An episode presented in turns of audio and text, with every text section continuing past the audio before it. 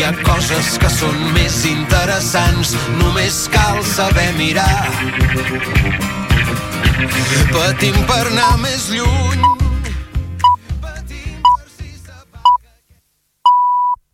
És la una del migdia.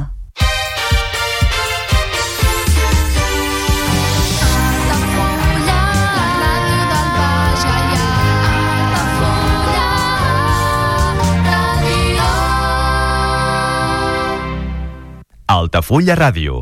Serveis informatius.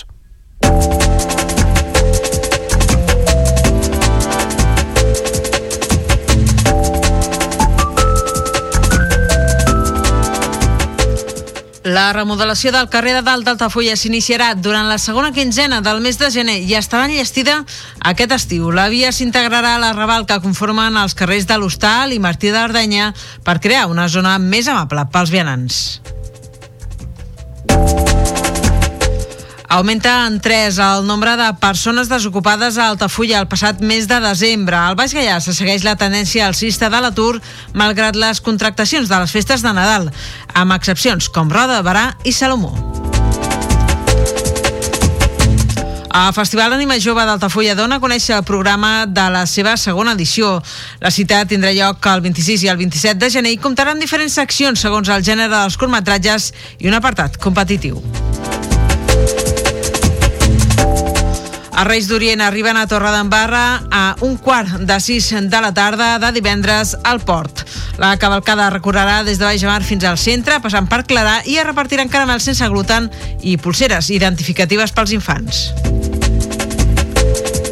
La recollida de la poda a Roda de Barà centralitza la deixalleria des d'aquest mes de gener. Ja s'han retirat els contenidors metàl·lics del carrer, dels quals no se'n feia un bon ús per part d'un sector de la població. Creu Roja reparteix prop de 4.500 joguines a 1.500 infants en situació de vulnerabilitat a la demarcació de Tarragona. La iniciativa compta amb la col·laboració de persones de 64 persones voluntàries i 127 empreses. I l'Auditori de la Diputació de Tarragona estrena nova programació en versió original. El cicle s'inicia el 14 de gener i es projectaran 10 films d'autor cada diumenge fins al 17 de març. I comença el compte enrere per la marxa dels castells del Baix Gaià. Quan tot just manca un mes per la prova, queden menys de 300 dorsals per completar el topall del miler de participants.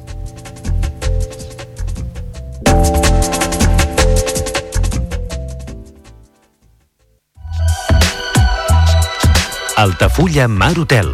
Esdeveniments familiars, comunions, batejos i casaments i reunions d'empresa.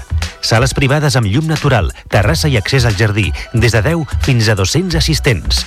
Altafulla Mar Hotel, el teu espai de confiança per a les teves celebracions familiars al barri marítim d'Altafulla.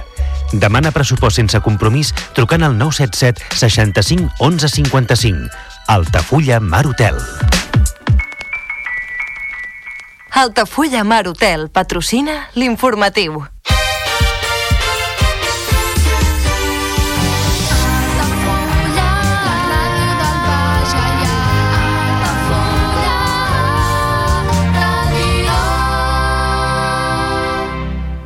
Altafulla Ràdio. Notícies.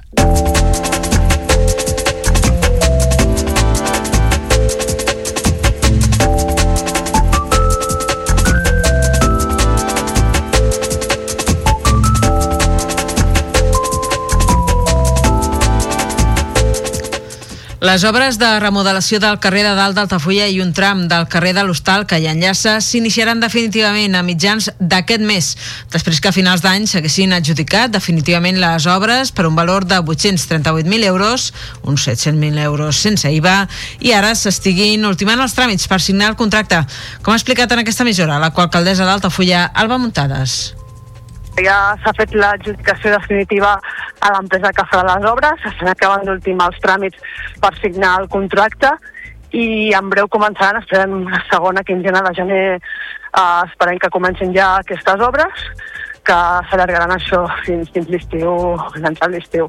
I bueno, esperem aquest estiu poder estrenar el nou carrer de dalt. Els treballs per executar han de millorar l'accessibilitat a la via, fent-la més practicable pels vianants. També es vol reduir la presència de vehicles en aquest àmbit que conformen el carrer de l'Hostal, exclusivament per vianants, i el carrer Martí d'Ardenya, també pacificat. Es mantindrà l'estètica d'aquests carrers pel que fa al paviment i les llambordes i se'n limitarà l'estacionament. de la imatge del carrer de dalt que seguirà el, el patró del que ja s'ha fet al carrer Martí d'Ardenya i així donar continuïtat a aquests eh, ravals de, del casc antic. I un cop doncs, estigui això acabat, eh, es valorarà la possibilitat de que fer tota aquesta nova zona peatonal eh, evidentment amb accés amb els veïns i per poder fer càrrega i descàrrega de, dels comerços, però que sigui un lloc pacificat on l'opció principal sigui per, a, per al vianant i uh, per gaudir d'un passeig pel, pels voltants de la, de la Vila Clora. La voluntat del consistori és acabar definint aquest carrer com una zona per vianants, tot permetent només l'accés de vehicles comercials i de veïns, amb la potenciació de les zones de càrrega i descàrrega. El temps que durin les obres, caldrà tallar el carrer al trànsit rodat per qüestions logístiques i, per tant, aquest període servirà també com a banc de proves pel que podria esdevenir una futura zona més lliure de vehicles. El mateix que es va poder constatar en menor mesura amb l'acció simbòlica que es va fer passat 22 de setembre en el marc del dia sense cotxes quan es va tallar el trànsit aquest tram, en aquest cas el tram superior del carrer de dalt, aquest tram de, de la via pública. La remodelació està sufragada en part pel Pla d'Acció Municipal, el PAM, de la Diputació de Tarragona, amb 400.000 euros.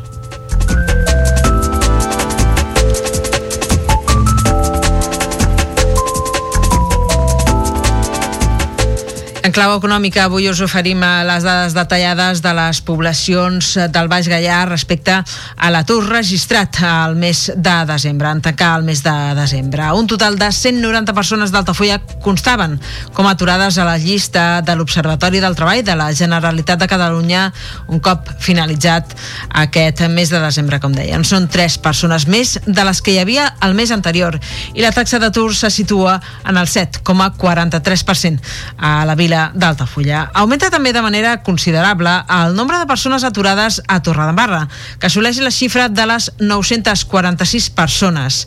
Són eh, 29 persones més que no pas al novembre i això representa un registre de l'11,86% de la població torrenca. És una tendència habitual tenint en compte les dimensions de la vila que no es repeteix en aquest cas el segon municipi més poblat de la subcomarca, que és Roda de Barà, que veu com el nombre de persones aturades baixa en 4.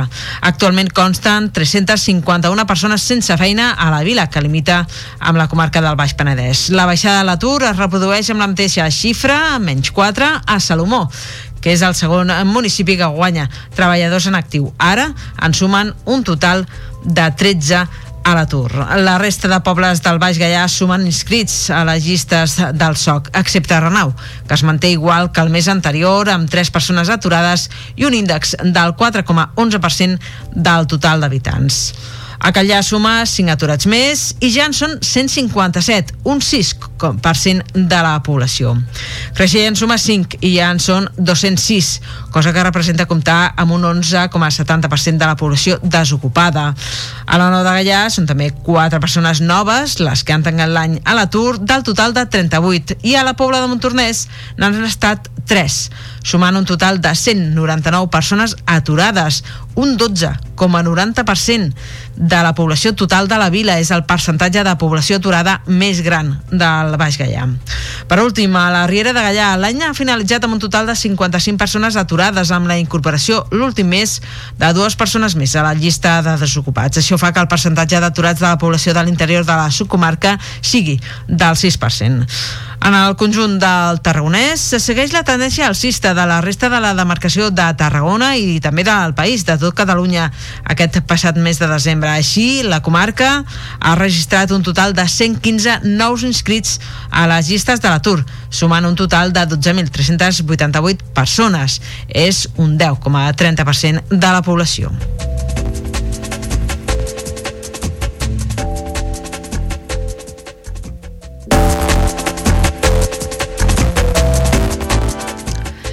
Clau cultural us expliquem que queden pocs dies ja per poder gaudir de la segona mostra internacional de curtmetratges d'animació d'Altafulla. És el festival Anima Fest, que es durà a terme divendres 26 i dissabte 27 de gener.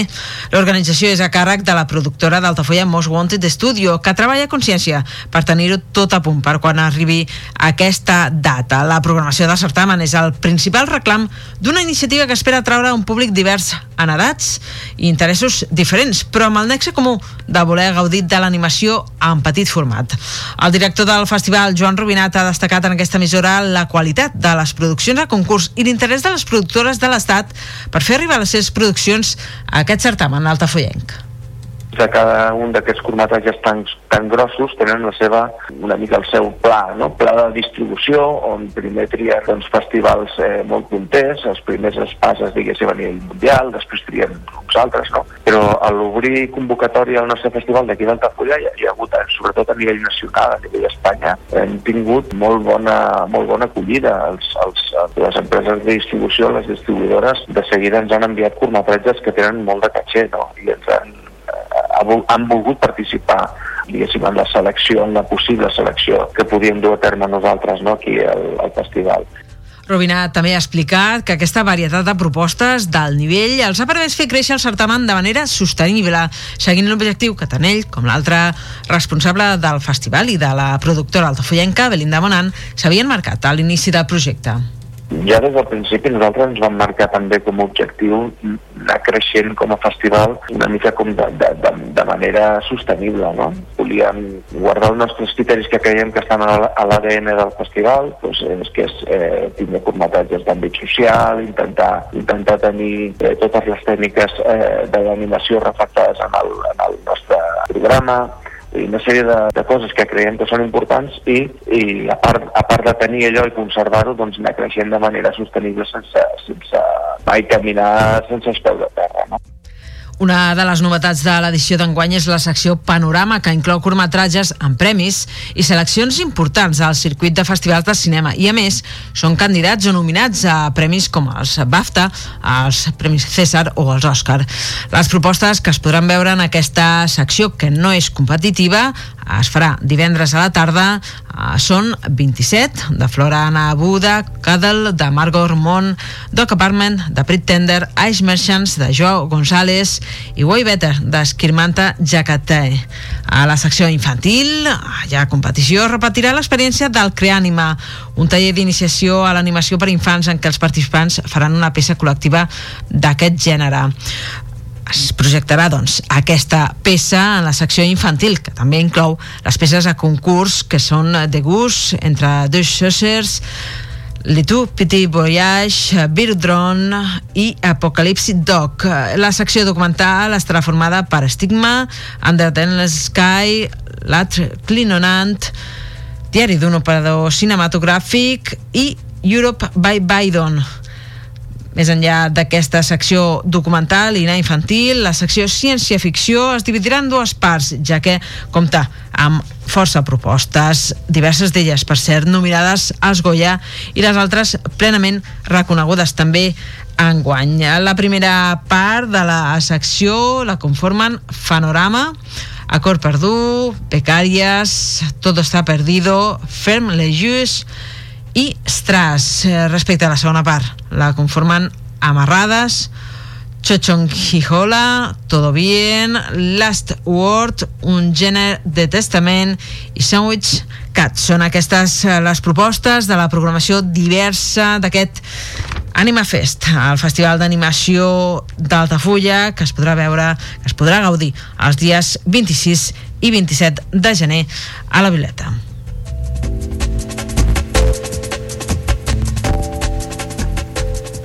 Anem ara cap a Torre d'Embarra perquè a la vila de la Torre rebrà els Reis d'Orient demà divendres, dia 5 de gener a la tarda.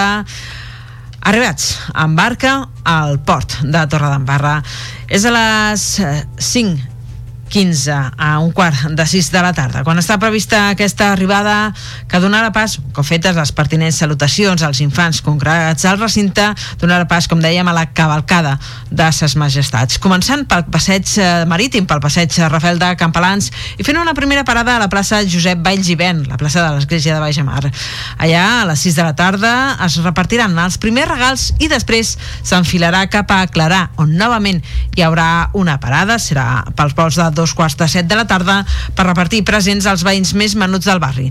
Serà a la plaça de l'Església. Un cop finalitzada aquesta segona entrega, els Reis realitzaran el tram final de la cavalcada i el tram més multitudinari a través de l'Avinguda Pompeu Fabra, el carrer Antoni Roig i una aturada final a la plaça del Castell. Es calcula que hi arribaran pels vols de dos quarts de vuit. Allà se'ls donarà la clau mestra de la vila, es faran uns parlaments breus i s'entregaran regals als nens de les famílies que ho hagin sol·licitat de la mateixa manera que anteriorment anteriorment s'hauria fet a Bajamar i Clara.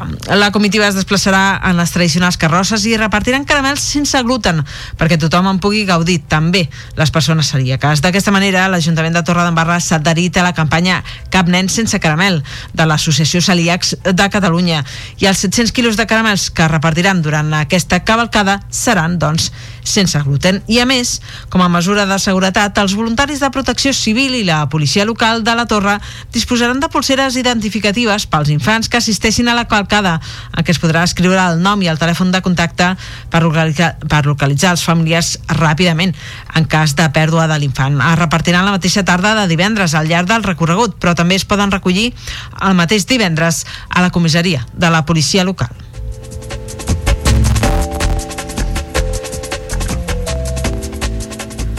I a Roda de Barà, a partir de l'1 de gener, el servei de recollida de les restes vegetals ja ha canviat de sistema.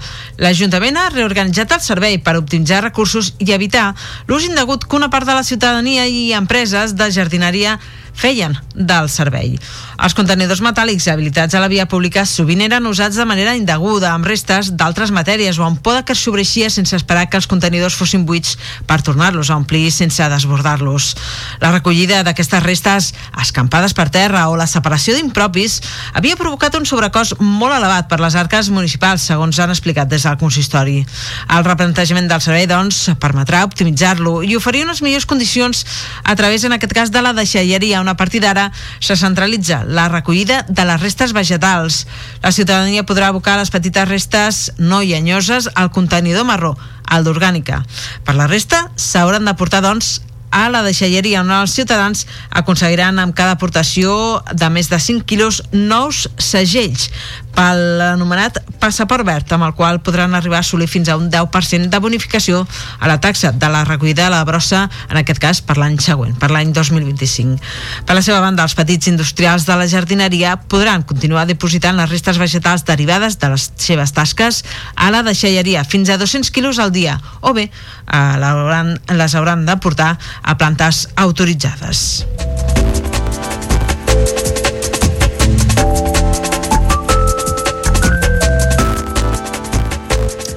Moment ara de fer una petita pausa per la publicitat. Tornem de seguida més actualitat de la resta del Camp de Tarragona i també actualitat esportiva. Fins ara.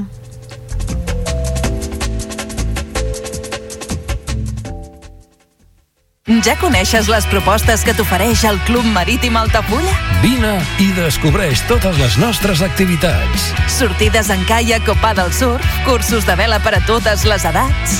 No t'ho perdis. Club Marítim Altafulla. Obert tot l'any i per a tothom. Comunions 2024. Dates ja disponibles amb sales privades, jardí, pàrquing privat i la millor gastronomia. Més informació i reserves al 977 65 11 55 i a comercial arroba altafullamarotel.com o al web altafullamarotel.com. Les teves celebracions familiars a l'Altafulla Mar Hotel. Has vist la notícia sobre la fuita química? Sabríeu com actuar en cas d'accident químic? Les indústries que treballen amb substàncies perilloses compten amb sistemes de seguretat per evitar accidents, però en determinats casos greus, la població més propera es podria veure afectada. Protecció Civil informa que l'autoevacuació no és una mesura segura. Cal confinar-se al lloc on ens trobem o a l'edifici més proper i tancar portes i finestres. Escoles i residències de gent gran saben com actuar i són llocs segurs. No hi aneu a buscar els familiars. 112. Telèfon d'emergències. Si és amb condó, ell s'hi nega. I sense, jo passo. Si ell imposa la seva voluntat en les relacions sexuals, és violència. Qui no respecta la llibertat de l'altre es converteix en agressor. Ni agressor ni còmplice.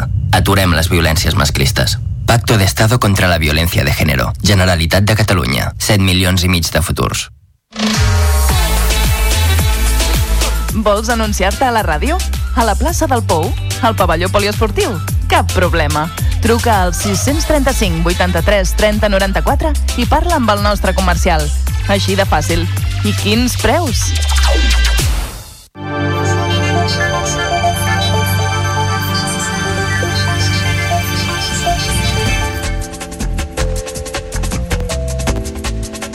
Reprenem eh, l'informatiu d'aquest dijous 4 de gener del, del 2024 amb una informació que ens arriba des de Creu Roja Joventut que ha repartit prop de 4.500 jocs i joguines noves a 1.496 infants en situació de vulnerabilitat de la demarcació de Tarragona. A la 31a edició de la campanya Els seus drets en joc, la secció Joventut de Creu Roja ha comptat amb la col·laboració de 64 persones voluntàries i 127 entitats i empreses que han organitzat activitats de difusió, habilitat, punts de recollida o han fet també aportacions econòmiques en aquesta campanya.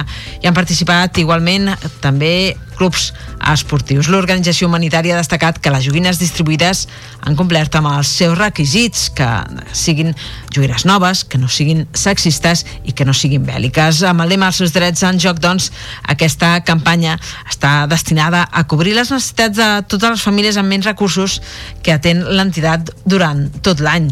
Des d'aleshores, eh, des de que es va iniciar la campanya i amb la col·laboració d'aquestes entitats i empreses, s'han dut a terme diferents activitats que han permès doncs, aquesta recollida d'aquesta quantitat de joguines, una campanya que s'emmarca dins d'un projecte més ampli anomenat la joguina educativa que es du a terme, per cert, durant tot l'any per sensibilitzar sobre el valor educatiu del joc i garantir el dret dels infants a jugar. Alhora remarca que el joc és una eina que contribueix a combatre l'aïllament social i per tant doncs aquesta campanya que sí, efectivament es fa per Nadal, de fet es fa està oberta, diguéssim, durant tot l'any i durant tot l'any es poden continuar fent donacions de joguines o bé aportacions econòmiques per aquest projecte a través de qualsevol de les oficines de Creu Roja a la demarcació o a través del web eh, www.lajoguinaeducativa.org.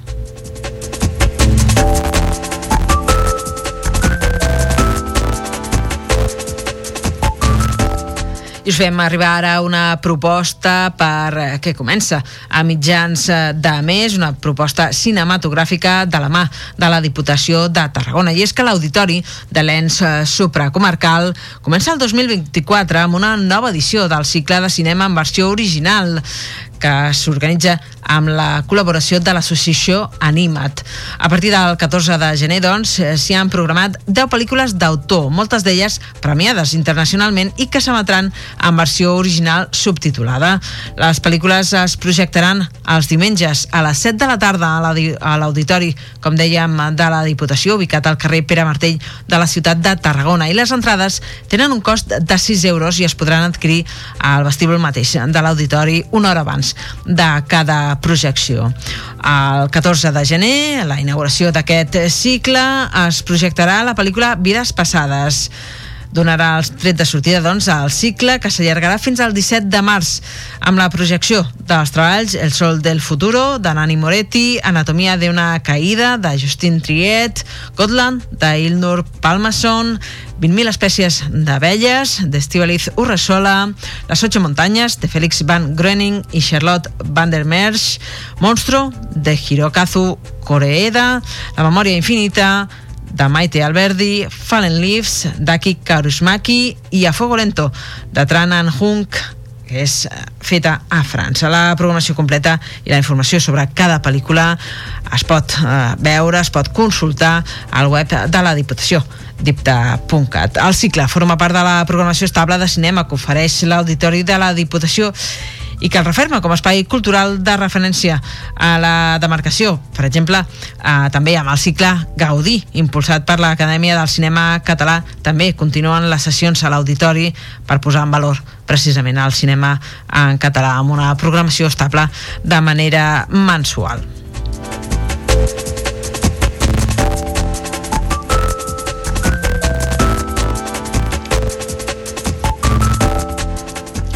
I en esports destaquem que des d'aquest dijous es posa en marxa el comptador per arribar tot just d'aquí un mes al 4 de febrer, data marcada al calendari per recórrer als 27 quilòmetres coneixen els diferents castells que s'alcen en diferents viles de la contornada.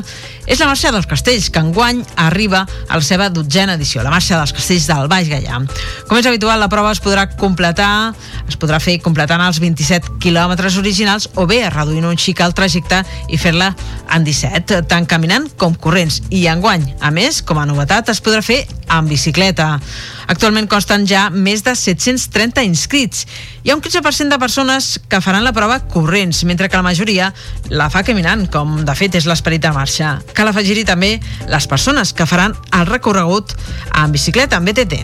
El responsable de l'empresa organitzadora, Running Solutions, el Juan Fernández, ha parlat de les inscripcions en aquesta emissora ha destacat que hi ha un 65% de persones provinents de la demarcació de Tarragona i també ha posat en valor la participació femenina.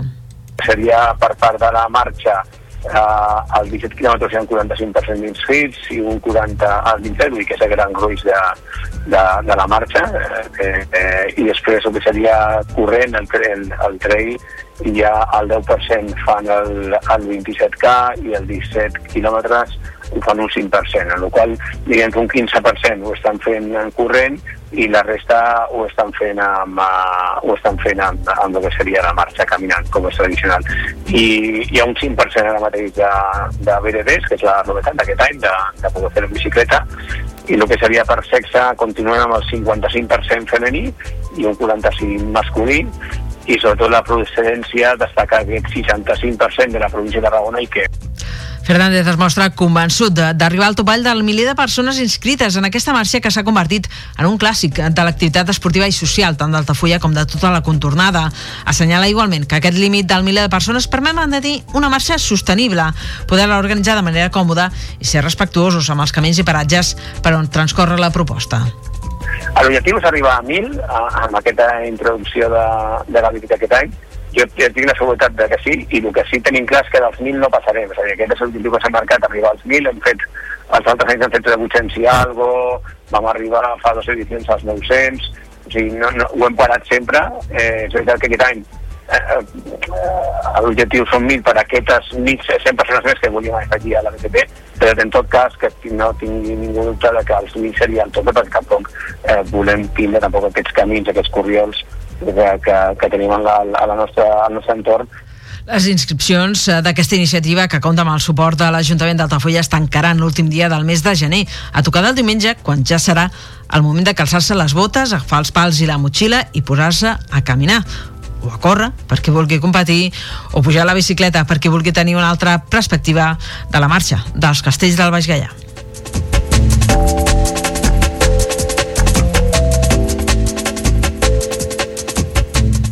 I amb aquest apunt eh, sobre la marxa dels castells, nosaltres posem punt final a l'informatiu d'aquest dijous, dia 4 de gener del 2024, en directe, com sempre, al 107.4 de la FM, de la freqüència modulada.